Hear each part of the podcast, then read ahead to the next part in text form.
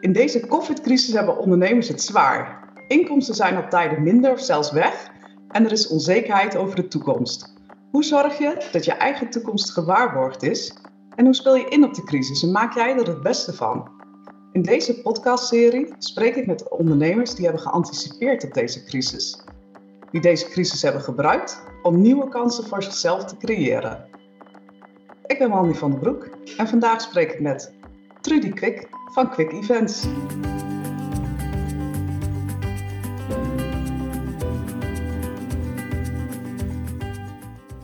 Een bloeiend evenementenbureau wat al twee crisissen had overwonnen. Maar toen kwam COVID en de evenementenbranche werd daar misschien wel het hardst door getroffen.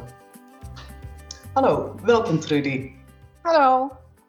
Nou, leuk. Ik ben heel erg benieuwd naar je verhaal. Jij uh, hebt Quick Events opgericht. En wat deed je zoal met Quick Events voor de COVID-crisis? Nou, we bestaan uh, dit jaar 20 jaar. Um, dus uh, nou, wij gaan ook een feestje vieren. Dat is gelukkig in november. Dus wie weet kunnen we dan wel echt een live feest organiseren. En wij ondersteunen bedrijven bij de organisatie van zakelijke evenementen. En dan moet je denken aan een opening van een pand of een congres of een personeelsfeest of een relatiedag. Of, nou ja, maak het zo gek zoals je kunt bedenken wat in een bedrijf kan gebeuren. En waar zij zelf niet de expertise, know-how en uh, mankracht hebben om dat zelf te organiseren. Um, ik heb, uh, ben ooit begonnen met mijn slogan: uh, organiseren is meer dan het geven van een feestje. En dan bedoel ik feestje slash verjaardag. Want iedereen vindt het natuurlijk super leuk om uh, mijn vak te doen. Uh, maar het is echt een vak. Uh, en ik bedoel, ik wil niemand in de weg zitten. Maar het is ook heel leuk om te doen, uiteraard. Maar uiteindelijk um, heb je ook expertise nodig om dat efficiënt en doeltreffend te doen.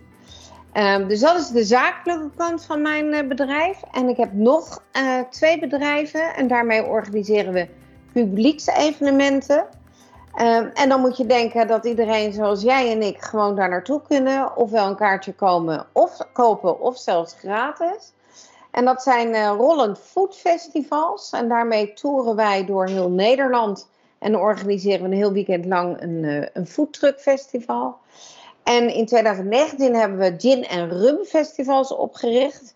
Um, en daarmee toeren we ook door Nederland. Alleen dat is in locaties, dus een mooie kerk of een congrescentrum. Uh, en daar kun je dan heerlijk uh, gin en rumsoorten proeven, uh, kopen, kijken, genieten. Um, en dat is de andere kant. maar ja, je voelt hem al aan, ook dat is niet aan de orde. Dus sinds 16 maart 2020, hoe kan ik het vergeten? Waarom twijfel ik er zo over? Um, liggen wij plat, zo, zo moet ik het eigenlijk zeggen. Ja, want even voor de beeldvorming, je was geen eenpitter. Uh, nee, zeker niet. Um, ik had een, uh, een heel team met, nou even denken, we hadden zes vaste medewerkers. En bijvoorbeeld voor Rolland hebben we in de zomermaanden hadden we 60 oproepkrachten. Die dus met ons mee toerden door het land. Um, dus ja, dat heeft wel pijn gedaan uiteraard. En ik heb afscheid moeten nemen van heel veel mensen. Um, maar ja, daar moet je ook, uh, daar moet je, ook daar moet je zakelijk naar kijken. Want niemand is ermee gebaat om mensen te lang uh, in dienst te houden. Dan bestaat het bedrijf zeker niet meer. En nu, uh, nu zijn we er nog en proberen we met man en macht om te kijken of we hopelijk wellicht in het derde, vierde kwartaal nog iets gaan organiseren. En anders gaan we volle bak in 2022 weer aan de slag. Ja, want jouw bedrijf die had daarvoor al uh, drie crisissen mogen meemaken. Laten we even teruggaan naar de eerste crisis, 9-11 in 2001. Ja. Ik hoor vaak nog mensen vertellen waar ze waren die dag of wat ze deden. Toen de vliegtuigen de Twin Towers invlogen. Wat deed jij rond die tijd? Um, ik zat uh, in, in, between tussen mijn uh, vorige werkgever en het idee om een eigen evenementenbureau op te starten. Um, ik, het, was rond een uur of vier en ik reed uh, uh, van de kapper terug. Vergeet ik ook nooit meer, inderdaad. Um, en ik kwam in een soort in paniek thuis en riep tegen iedereen in de straat: Jongens, jullie moeten naar binnen, want er is iets heftigs aan de hand. Ehm, en zes weken later heb ik mijn evenementenbureau opgericht. Ehm, en dat was best een gekke gewaarwording. Ehm, de Kamer van Koophandel die keek mij aan en die zei van waarom ga je in de evenementen? Want het is hele slechte tijd. Daar wil ik twee dingen zeggen. Aan de ene kant was het een slechte tijd, maar het was wel een andere uh, onzekerheid dan dat het nu is. En het was ook een andere onzekerheid dan bijvoorbeeld de bankencrisis een paar jaar later. Ehm, dus ik, ik, ben een beetje eigenwijs. Um, en toen dacht ik van ja, dan ga ik toch doen wat ik bij DHL, dat was mijn vorige baas, daar heb ik twintig jaar gewerkt, werkgever. Um, wat ik daar heel sterk geleerd heb, zaaien in slechte tijden en oogsten in uh, goede tijden. Um, dus ik ben toch op 1 november 2001 met mijn evenementenbureau uh, Quick Events en Relatiemarketing gestart. En heb je nog leermomenten uit die eerste crisis gehaald om je bedrijf verder in op te bouwen? Um, nou ja, ik kan alleen maar praten over positieve leermomenten die ik dus eigenlijk ook naar andere mensen zou eh, door willen geven. Dat zaaien in, uh, in slechte tijden. Ja, dat zie je nu ook weer gebeuren. Um, ik weet dat heel veel horeca-ondernemers het heel zwaar hebben.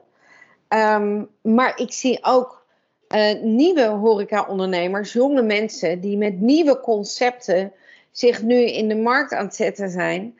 Um, niet veel pijn hebben van de, van de ellende van COVID. Want nou ja, ze waren niet open, dus daar hebben ze geen pijn aan. En uh, straks, als het weer open mag, kunnen ze, gaan ze mee in het verhaal. Als er 30 mogen, gaan ze met 30. Als alleen het terras open mag, dan gaan ze alleen het terras doen. Dus ze gaan, het zijn jonge ondernemers die met nieuwe, frisse concepten gaan werken. Um, ja, dat, dat, is pijnlijk soms. Aan de ene kant voor mensen die natuurlijk heel veel pijn hebben nu. Um, maar ik vind dat ook een mooie ontwikkeling. En wat ik toen ook heel erg heb geleerd, is um, uh, dat netwerken heel erg belangrijk is. Ik had vanuit DHL een ontzettend internationaal netwerk. dat heb ik godzijdank nog. Ik heb heel veel vrienden over heel de wereld die allemaal van DHL afkomen. Voor DHL-familie was dat heel erg. En wat ik, ik ben gaan netwerken, dus ik, ik ben gaan borrelen en ontbijten en vergaderingen. En ik weet allemaal niet wat ik afgesjouwd heb. Ehm, niet zozeer omdat het moest, maar ook omdat ik het leuk vind. Uh, en een van mijn uh, nou ja, opmerkingen binnen mijn organisatie is altijd: mensenkennis is het belangrijkste uh, wat je kunt doen. want dat, die kom je die heb je altijd nodig. Je hebt altijd mensen nodig waar je iets aan kunt vragen, of waar je een dienst wil aanbieden, of een dienst wat zij van je willen vragen. En dat merk ik nu ook, weet je, ik word heel vaak gebeld door mensen die zeggen: Weet jij nog iemand die, of ken jij nog iemand zus? Ja, ik ken altijd wel iemand. Um, maar je moet het wel doen omdat je het leuk vindt. En wat ik nu zie aan jonge mensen, uh, die vinden netwerken niet leuk, want die vinden dat helemaal niet belangrijk, denken ze. Um, en het tweede is, um, ik kom nog uit het verhaal dat wij niet aan social netwerken waren via social media. Um, ik kom nog gewoon dat je naar een ondernemersvereniging ging en daar was dan van vijf tot zeven de borrel. Nou, wie kent het niet? En daar was dan iemand die kwam spreken en daarna borrelde je verder. en als je, als je geluk had gehad, dan had je wel tien mensen gesproken. Uh, als je pech had gehad, dan waren wij elkaar getroffen en uh, bleven wij met z'n tweetjes bij elkaar staan kletsen. Um, en uh, ik ben bang dat dat ouderwetse netwerken minder zal worden. Ook, dat vond ik al voor COVID hoor, want ik, ik zie alleen maar, nou ja, ouderen die daar zijn en jongeren vinden het niet leuk. Maar ik hoop wel dat ze dat netwerken op de social media kanalen, dat ze dat ook belangrijk vinden. Want het netwerken voor je bedrijf is zo belangrijk. Nou, dat, zijn wel mijn twee grote leermomenten eigenlijk. En uh, heb je dan uh, die leermomenten ook toegepast in de tweede crisis die je tegenkwam, de financiële crisis?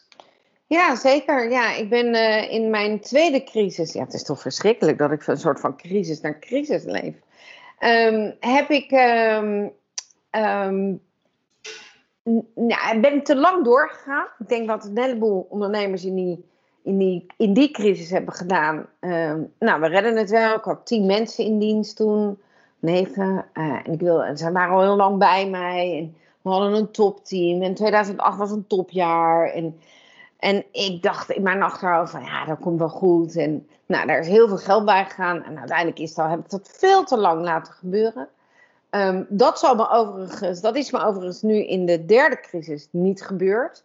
Tijdig ingrijpen, hoeveel pijn het ook doet voor jezelf, voor je mensen. Maar je moet ingrijpen.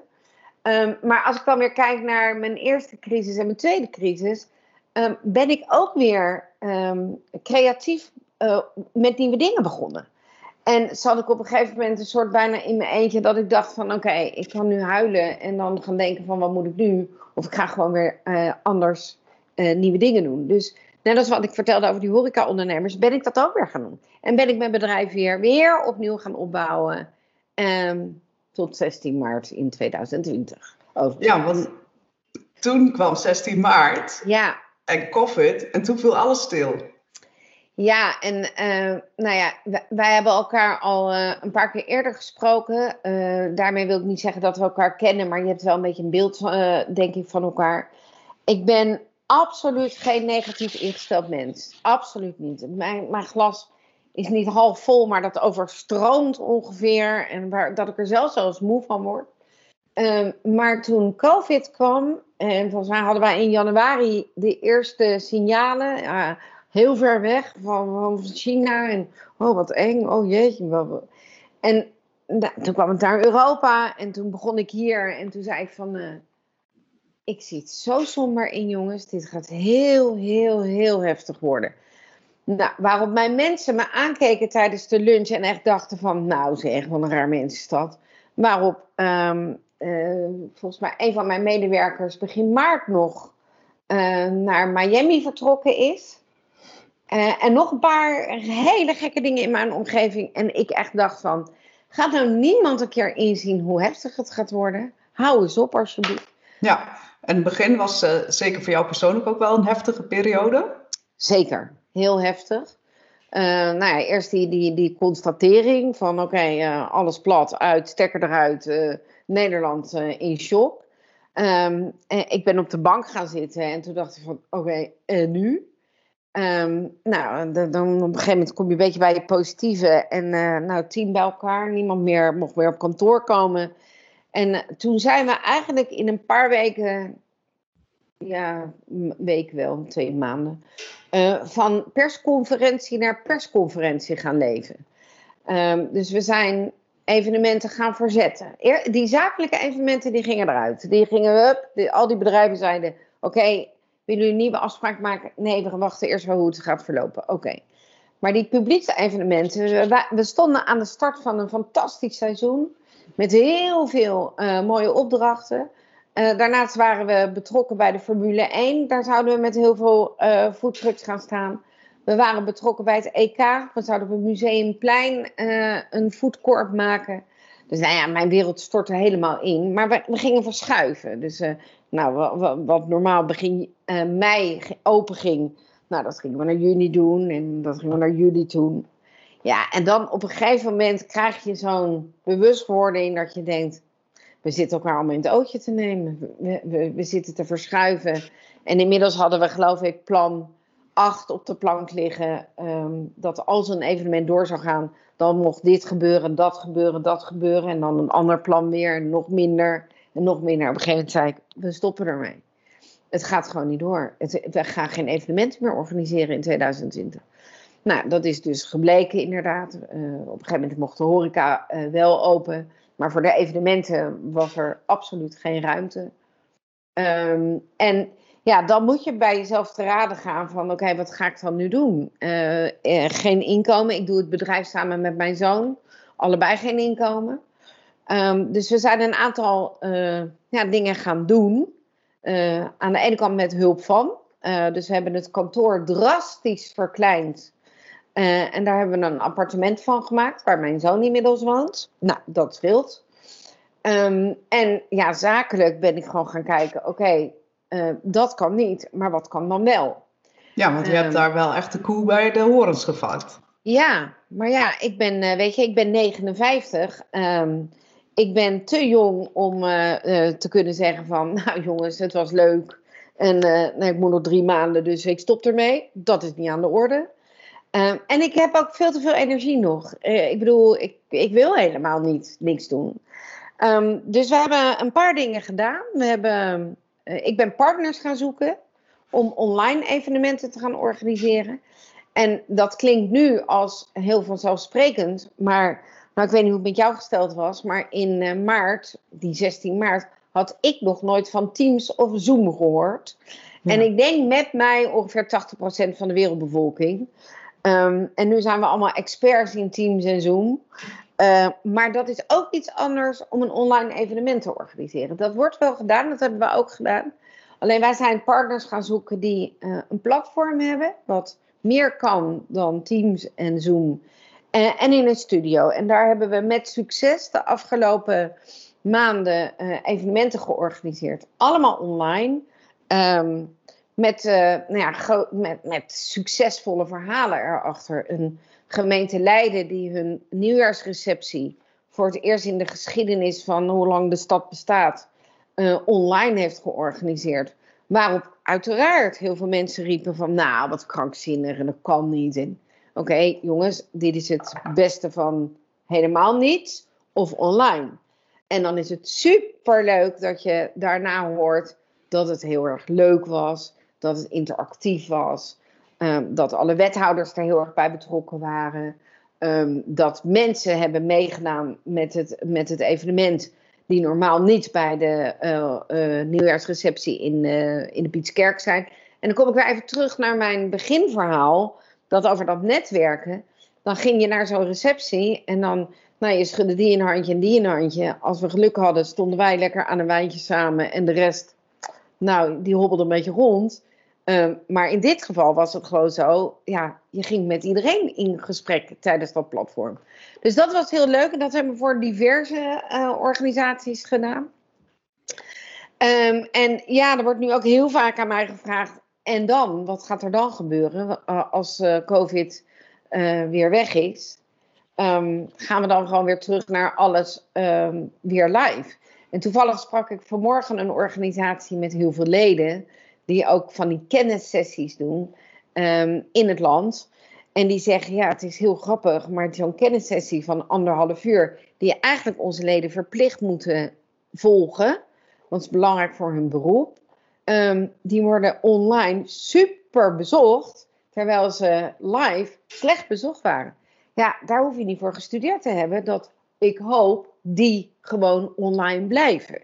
En daarmee zeg ik dus niet dat alles online moet, maar er moet hopelijk een goede mix komen tussen online, live, hybride, op locaties. Want normaal zijn alle evenementen ongeveer in de Randstad. En straks kunnen we misschien in Groningen of in Twente een leuk evenement organiseren. Waar ik vanuit Leiden niet live naartoe ga. Maar daar die mensen die daar wonen wel live naartoe gaan. Dus er zijn zoveel meer mogelijkheden ook. Dus dat betekent waarschijnlijk ook dat jouw bedrijf wel de crisis gaat overleven? Ja, indien niet, dan toch uh, roep ik tegen iedereen. Ik, ik, ik hoop het. Ik bedoel, ik heb alles eraan gedaan om te zorgen dat ik kan overleven. Uh, want we zijn nog een aantal andere dingen gaan doen. Um, en meer dan mijn best kan ik nu doen. Daarbij word ik, ik word ook ondersteund natuurlijk door, uh, door de regering. En dat dekt allemaal niet uh, totaal, maar dat geeft niet, want ik doe ook nog een aantal dingen. Maar ik wil gewoon overleven. Dat is mijn drive. en ja, dan moet ik proberen om allerlei leuke dingen te bedenken. Ja, en met de leermomenten die je al had gehad in de eerdere crisissen, had je daardoor het gevoel dat je een voorsprong had op andere ondernemers? Um, nou, nu je het zo vraagt, denk ik wel. Uh, misschien ook mijn leeftijd. Ik bedoel, uh, soms denk je van die ouderen, die, die zijn niet meer flexibel. Aan de andere kant zijn ze ook meer door de, hoe noem je dat, bol geverfd. en constant blijven sparren. Dat heb ik ook wel heel veel gedaan. Praat veel met mensen. Die geven je, die geven je energie. Ik heb zelfs met mijn concurrenten heb ik allemaal gebeld uh, van uh, in de publieke evenementen. Jongens, zullen we eens een keer bij elkaar uh, komen? En nou ja, ik heb er met een aantal nog steeds heel veel contact. En van de week zei ik tegen iemand: Misschien moeten we wel gewoon met z'n allen één heel groot evenement organiseren. Ehm, en dat klinkt best een beetje raar, want we waren concurrenten. Maar hou op, als we straks, straks allemaal misschien weer één feestje mogen organiseren, kunnen we het toch beter met elkaar doen. Dus ik, ik, denk ook wel dat, nou ja, door, door op een andere manier naar dingen te kijken, dat je ook weer de volgende stap kunt maken. Dat denk ik inderdaad ook wel. En uh, in het begin van het gesprek gaf je al aan van je moet zaaien in tijden dat het uh, wat slechter gaat. Ja. Nou, nu zien we langzaam mooie ontwikkelingen voor jouw branche met VR-studio's en online evenementen in de toekomst. Ja. Jij ziet jezelf en jouw bedrijf daar waarschijnlijk ook nog wel uh, een stuk in groeien.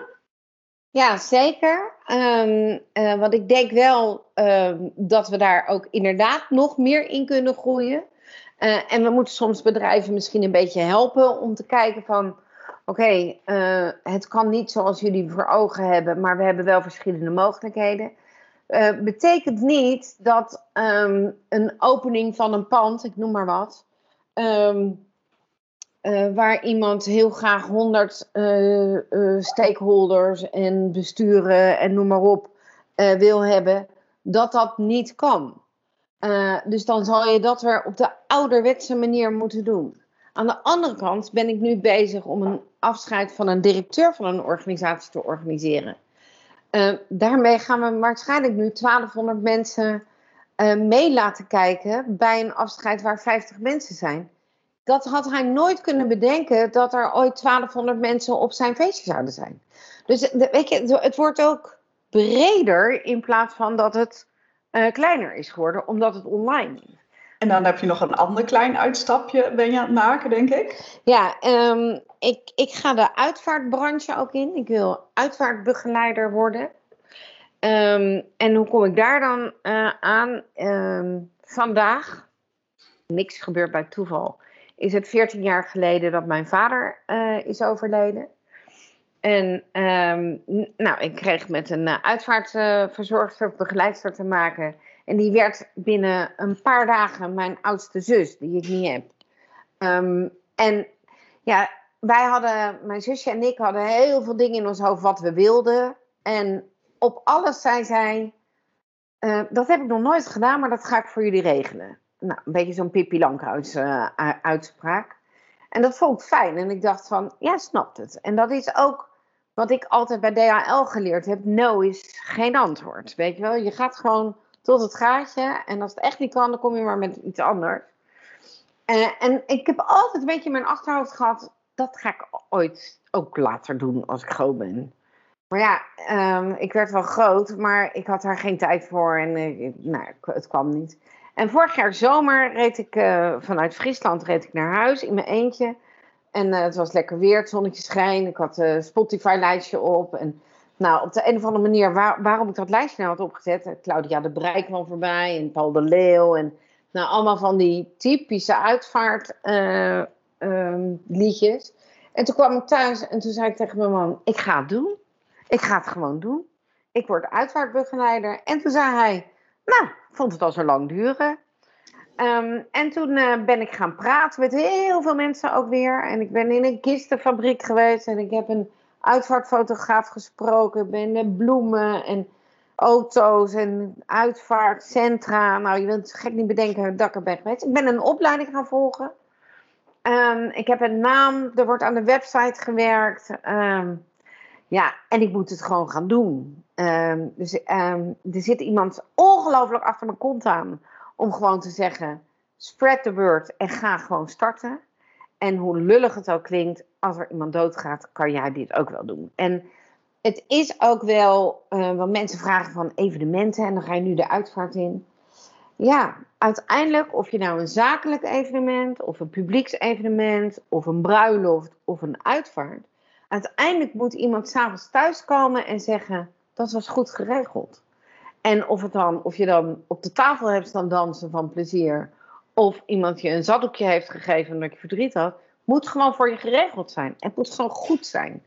En nou, ik denk dat dat kan. Um, en nou, daar kijk ik ook van naar uit. En toevallig heeft er vorige week een artikel in het blad Uitvaart gestaan. Dus ik kan ook echt niet meer terug. Um, maar ja, ik ga, ik ga dat doen. Ja. afgelopen jaar is dus een jaar geweest met heel veel ook wel positieve ontwikkelingen. Ja. Veel leermomenten. En wat is dan jouw grootste takeaway van dit COVID-jaar? Waar andere ondernemers misschien iets van zouden kunnen leren? Um, ja, nou valt het stil natuurlijk. Um, ja, ik denk echt, uh, als dat glas niet half vol is, zorg dan dat je er wat in doet. Want ja, glas half leeg ga je zulke dingen zoals we nu hebben meegemaakt, ga je niet, ga je niet overleven.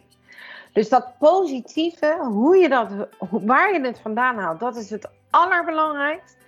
En mijn tweede, um, echt, en dat was al mijn lijfspreuk, maar hij heeft vorig jaar en dit jaar weer bovenaan gestaan. Als je niet kunt delen, kun je niet vermenigvuldigen. Ik heb het niet alleen gedaan. Ik, eh, ik kan het niet alleen. Ik, dat magazine kan ik niet alleen maken. Um, die online evenementen. Ik heb geen studio. Ik, ik, heb dat, ik heb geen platform. Dat zijn mensen die dat hebben. En dat doen wij samen. Uh, een uitvaart. Ik heb alleen maar een netwerk. En ik heb geen centrum. Ik heb geen begraafplaats. Ik heb geen, kan geen bloem schikken. Maar met elkaar kun je wel zorgen dat je dat met elkaar doet. Dus als je denkt dat je er alleen niet uitkomt, zorg dan dat je met iemand anders eruit komt. Verbind je met iemand anders en zorg dat je er gezamenlijk naar kijkt. Ik denk dat dat het aller, allerbelangrijkste is. En blijf niet op die bank zitten, maar zoek mensen op die je daarbij kunnen helpen. Ik denk dat het een hele mooie afsluiter is uh, van jouw verhaal. Dankjewel voor het delen. Al het goeds in de toekomst. En jij bedankt voor het luisteren. Als je nog vragen hebt voor mij of voor Trudy, laat dan even een reactie achter. Fijne dag en tot de volgende aflevering.